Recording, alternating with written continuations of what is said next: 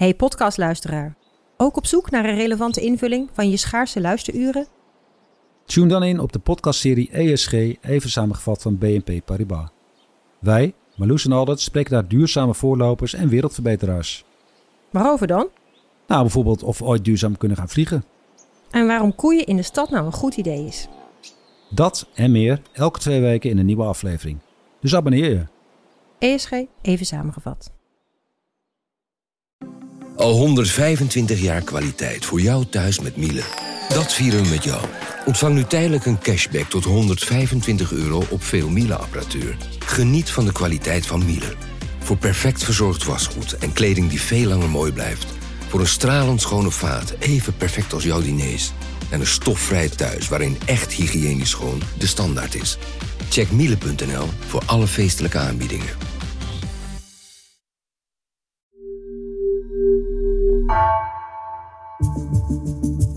Vanaf de redactie van NRC het verhaal van vandaag.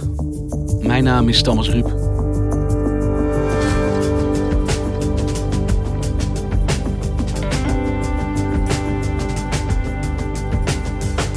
Mensen eten uit vuilnisbakken, overal lopen straatkinderen en er staat nauwelijks nog een huis overeind. Het is deze week alweer tien jaar geleden dat de revolutie in Syrië begon en nog nooit was de situatie zo hopeloos. Toch ziet Midden-Oosten-correspondent Melvin Ingleby is de strijd nog altijd niet voorbij.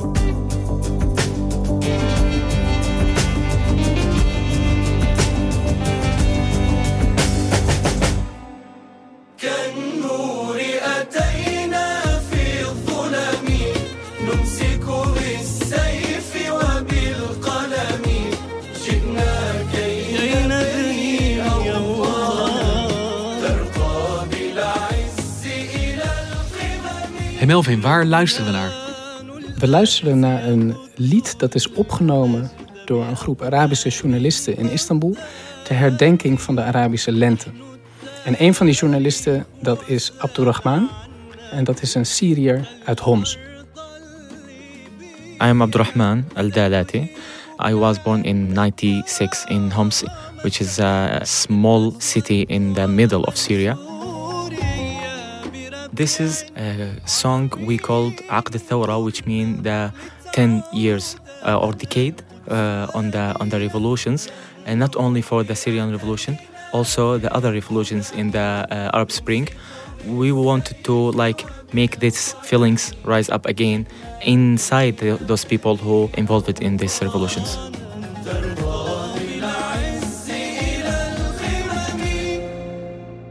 En hoe ken je hem? Deze maandag is het precies tien jaar geleden dat Syriërs de straat op gingen tegen het regime van Bashar al-Assad. En ehm, ik heb een afspraak gemaakt met Abdurrahman om daarover in gesprek te gaan. Want hij stond vanaf het begin van die opstand op straat om te demonstreren. Abdurrahman is een, eh, een eh, jonge journalist in de twintig. Was destijds ook heel jong tijdens die opstanden. Echt eh, een jaar of zestien. Praat heel graag over wat hij heeft meegemaakt. En probeert ook nog echt vanuit Istanbul de vlam van die revolutie van destijds eh, levend te houden. Het is een hele gedreven jongen, ontzettend eh, verwelkomend ook. We kwamen aan in de podcaststudio bij hem in Istanbul. Ontzettend aardige vent. En ik kreeg afgelopen maandag nog een selfie van Abdurrahman... van hemzelf in maatpak. Hij zag er ontzettend goed uit. Want wat ging Abdurrahman op die dag doen? Hij ging trouwen. En waarom die maandag? Omdat die maandag was voor hem een ontzettend belangrijke dag. Want dat was de dag waarop tien jaar geleden Syrië in opstand kwam tegen het regime van Assad. We was thinking, what time is the best for us to do? And I said, oh, it's the 10th anniversary. So let's do it in 15. Hij wilde trouwen op de dag dat tien jaar geleden de Syrische revolutie begon. Hij wilde trouwen op die dag. Hij zei dat was de mooiste dag van mijn leven. And I want one more memory, uh, good memory to stay in my, in my head. Want Melvin, als je zegt dat het maandag tien jaar geleden is dat de Syrische revolutie begon, dan was het dus 15 maart 2011. Naar welk moment refereer je dan? Wat was dat begin? 15 maart 2011, dat was de dag waarop enorme mensenmassa's de straat opgingen in Damascus om te protesteren tegen president Assad. Eerder die maand waren er al protesten ontstaan in de zuidelijke stad Derra, waar een groep uh, jongere kinderen eigenlijk graffiti op de muren had gespoten tegen het regime, waarop het regime die kinderen oppakte en gemarteld heeft. En dat leidde toen daar ook al tot grote protesten.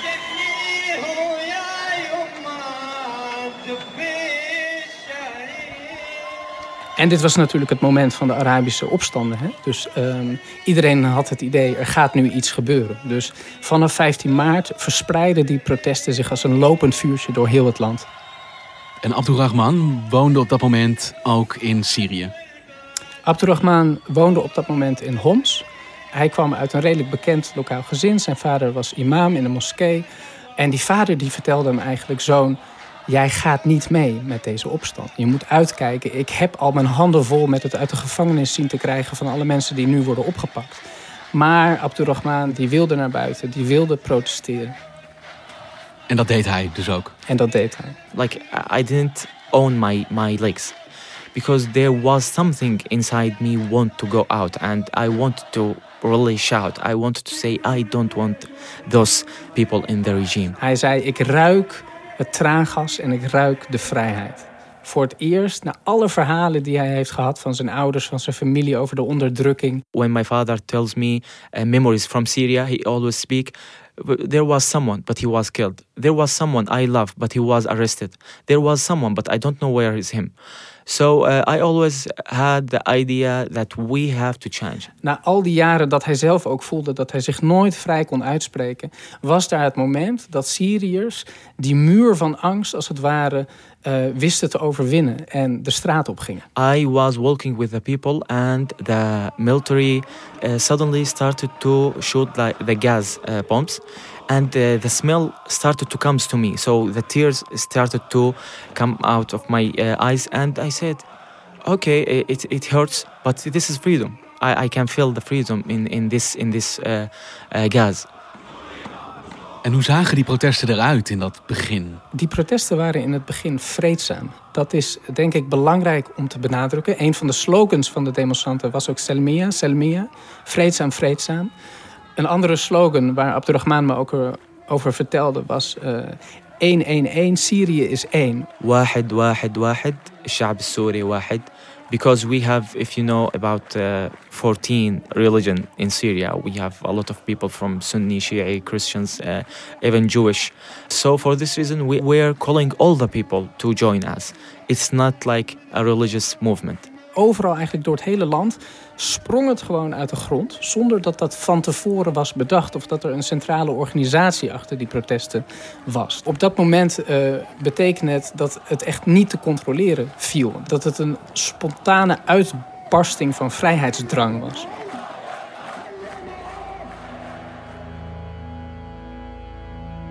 Want dit vond plaats ja, in het midden van wat we de eh, Arabische lente zijn gaan noemen. Waarin ook Tunesië, Egypte, Libië in opstand kwamen. En ook daar zag je, geloof ik, een kleine gebeurtenis die eigenlijk de aanleiding gaf tot een protest dat het hele land op zijn kop zet. Want wat was die onvrede die al broeide in Syrië? Nou, Syrië gaat al decennia gebukt onder de dictatuur van de familie Assad. In de jaren 70 kwam de vader van Bashar, Hafez al-Assad, aan de macht. En meteen al werd zijn regime gekenmerkt door zeer beperkte politieke vrijheden, marteling. In 1982 bijvoorbeeld heeft hij heel uh, berucht de stad Hama volledig uitgemoord omdat daar protesten tegen zijn regime ontstonden. The regime used artillery to level large parts of the town. Between 10 and 30,000 people were killed or were disappeared. That was a very stark moment in which the regime made it clear to Syria that it would not brook any opposition. Dat was de methode Assad, het uitmoorden van een stad als er onrusten zijn. Dat werd de methode Assad inderdaad. En die methode heeft uh, Bashar, de zoon van Hafez, gekopieerd. Bashar die kwam in 2000 aan de macht. Dus die opstanden die toen begonnen waren voor hem ook een uitdaging. Een soort van eerste grote test om te laten zien dat hij de naam Assad waardig was. Dus hij besloot eigenlijk vrijwel direct om keihard op die demonstranten in te slaan. Protesters demanded the end of the regime, ripping down a statue of the president's father, bracing to see the reaction of heavily armed government security forces. The answer came quickly and violently. Among the casualties, a 12 year old boy, carried, it is believed, in the arms of his father. Een vreedzaam protest wat door hem met harde hand de kop in werd gedrukt. Ja, naar voorbeeld van zijn vader. Precies, en dat was ook opzettelijk, omdat Assad wist dat de enige manier waarop hij het neerslaan van deze protesten kon rechtvaardigen, was als ze gewelddadig zouden worden. Dus hij heeft van het begin met scherp geschoten op die demonstranten. Dus er was zo'n grote verontwaardiging en angst en woede onder die bevolking, dat um, een deel van die mensen um, naar de wapens grepen. At that time, some people started to think why we are uh, dying every day and nobody uh, say a word. We should defend ourselves. We should have guns or something. But there was also a, another wave inside the protesters says no. This is what they want from us. But after that, all the people said, yes, we are not able to stand like this. Abdurrahman vertelde me zelfs hoe op een gegeven moment hij in de afvalbakken in de stad gedumpte Kalashnikovs vond. Die uh, volgens de mensen destijds daar door het regime waren achtergelaten. Om de mensen uit te lokken om die wapens op te pakken, zodat er een harde confrontatie kon komen. En wie waren die protesterende en in steeds meerdere mate strijdende partijen eigenlijk? Nou, in het begin stond het regime tegenover de bevolking. Maar het probleem van het spontane karakter van die opstand was dus ook dat overal op verschillende plekken aparte facties van het Vrije Syrische leger opdoken. Er was heel weinig centrale organisatie. Um, en dat leidde ertoe dat al snel er heel veel lokale protesten en strijden werden uitgevochten. En dat heeft er ook voor gezorgd dat op een gegeven moment een deel van die facties een andere weg insloeg. Of dat uh, groepen gingen radicaliseren. Want het begon eigenlijk als een enigszins overzichtelijk toneel, namelijk opstandelingen tegen een overheid. Maar dat werd zo gecompliceerd omdat ook die opstand in allerlei verschillende groepen uiteenviel die met elkaar ook weer de strijd aangingen. En ook omdat verschillende buitenlandse machten verschillende groeperingen gingen steunen. Dus de Saudis die stonden achter bepaalde facties, de Turken weer achter andere, de Amerikanen, de Britten en de Fransen weer achter andere. Waardoor steeds meer mensen dachten van ja, dit wordt hem niet. Wij voegen ons bij extremistische bewegingen, zoals uh, Jabhat al-Nusra en uh, ISIS, die vanuit Irak Syrië binnenkwamen.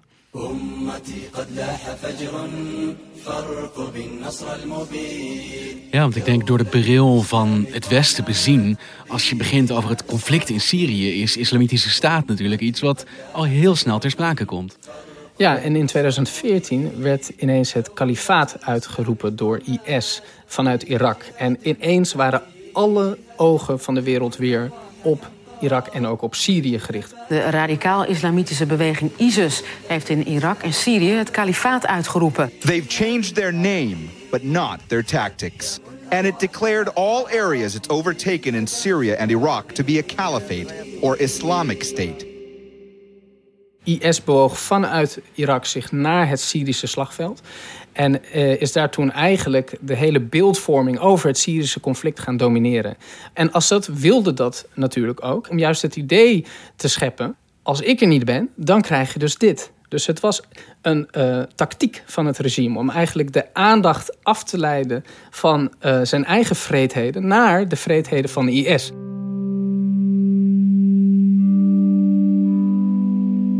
En wat betekende dat voor de opstand in Syrië en de strijd die tegen dat regime werd gevoerd?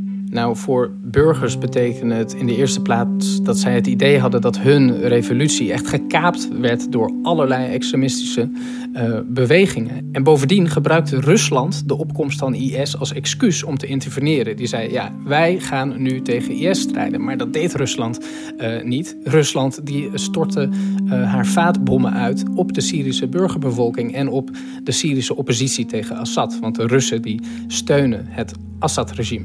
Dus um, in feite heeft eigenlijk de opkomst van IS ervoor gezorgd dat er een soort rookgordijn ontstond voor verschillende machten om te interveneren aan de kant van Assad. Terwijl het Westen juist zo erg afgeleid was door dat nieuwe gevaar van IS, dat ze die dynamiek niet helemaal door hadden.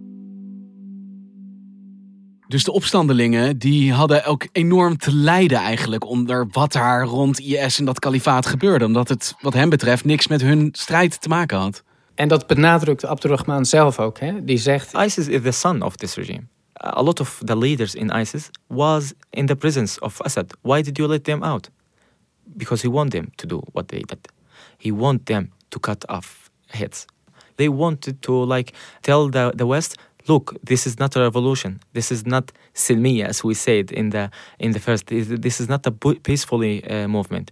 They are terrorists. En natuurlijk beging IS de meest verschrikkelijke gruwelijkheden, ook tegen de Syrische burgerbevolking. Maar voor Syriërs is juist de wrange werkelijkheid dat IS, hoe verschrikkelijk en vreed ook, maar 2% van de burgerdoden in het Syrisch conflict uh, op zijn naam heeft staan. Terwijl het regime verantwoordelijk is voor 88% van de burgerdoden. Dus hoe verschrikkelijk IS ook is, Syriërs hadden wel een andere prioriteit in die strijd.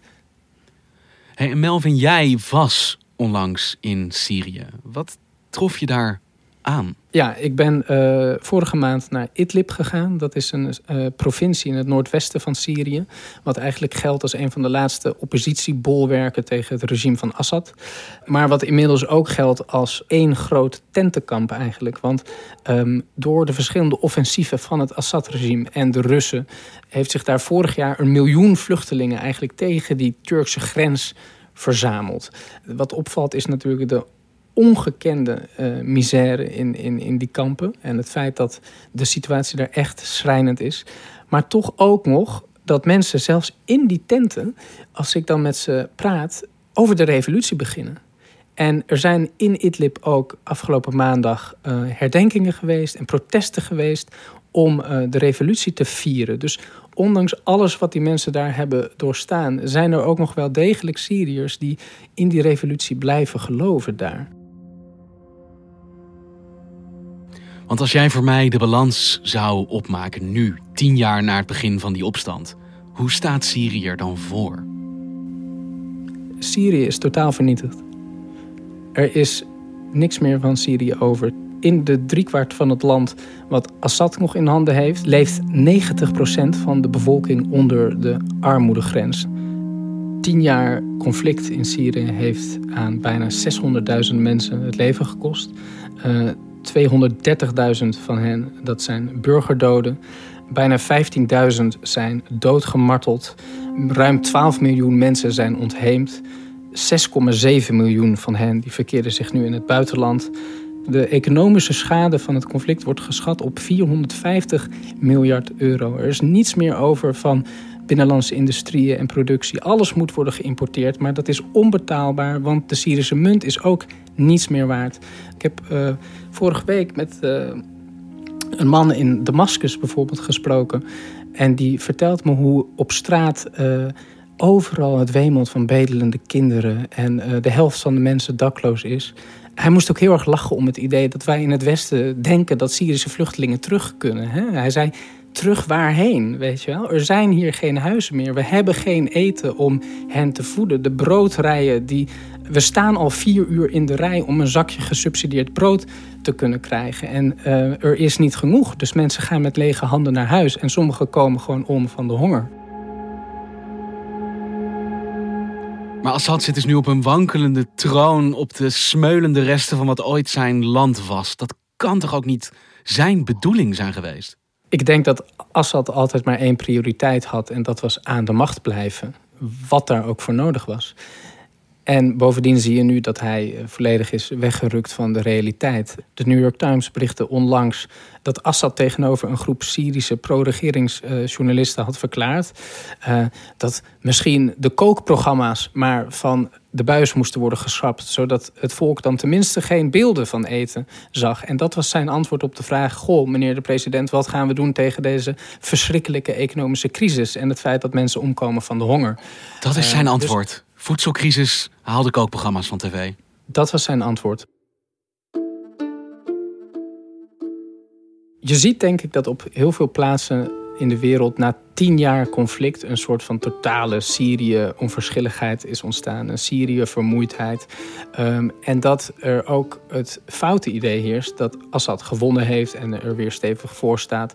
Dus dat we daarom de banden met het regime zouden moeten normaliseren. Maar veel Syriërs en ook Abdurrahman die vertellen mij dat is totale waanzin. Dus dat regime in stand houden, dat gaat er echt niet toe leiden dat het conflict weggaat. Syriërs die zullen geen vrede willen maken met dat regime. I think in the 10th anniversary of the revolution here, I have still faith in this uh, revolution. If there's still one meter, I will still work for that one meter. I will continue to fight uh, Assad. From my work now, like a podcaster or as a fighter. I want to see Syria free and I want my children to do what they think without being terrified from anyone.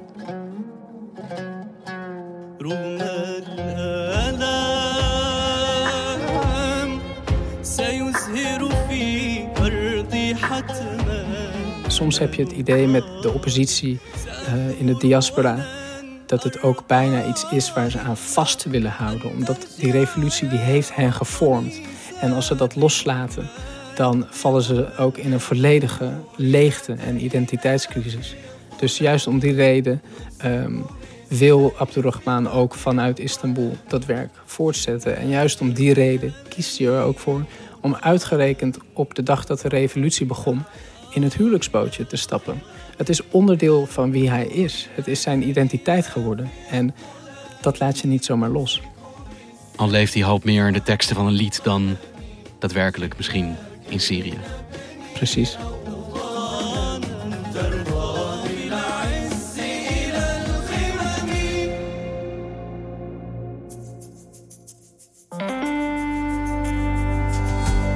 Je luisterde naar vandaag, een podcast van NRC. Eén verhaal, elke dag. Deze aflevering werd gemaakt door Felicia Alberding, Allegria Ioannidis en Jan-Paul de Bond. Chef van de audioredactie is Anne Moraal. Dit was vandaag. Morgen weer.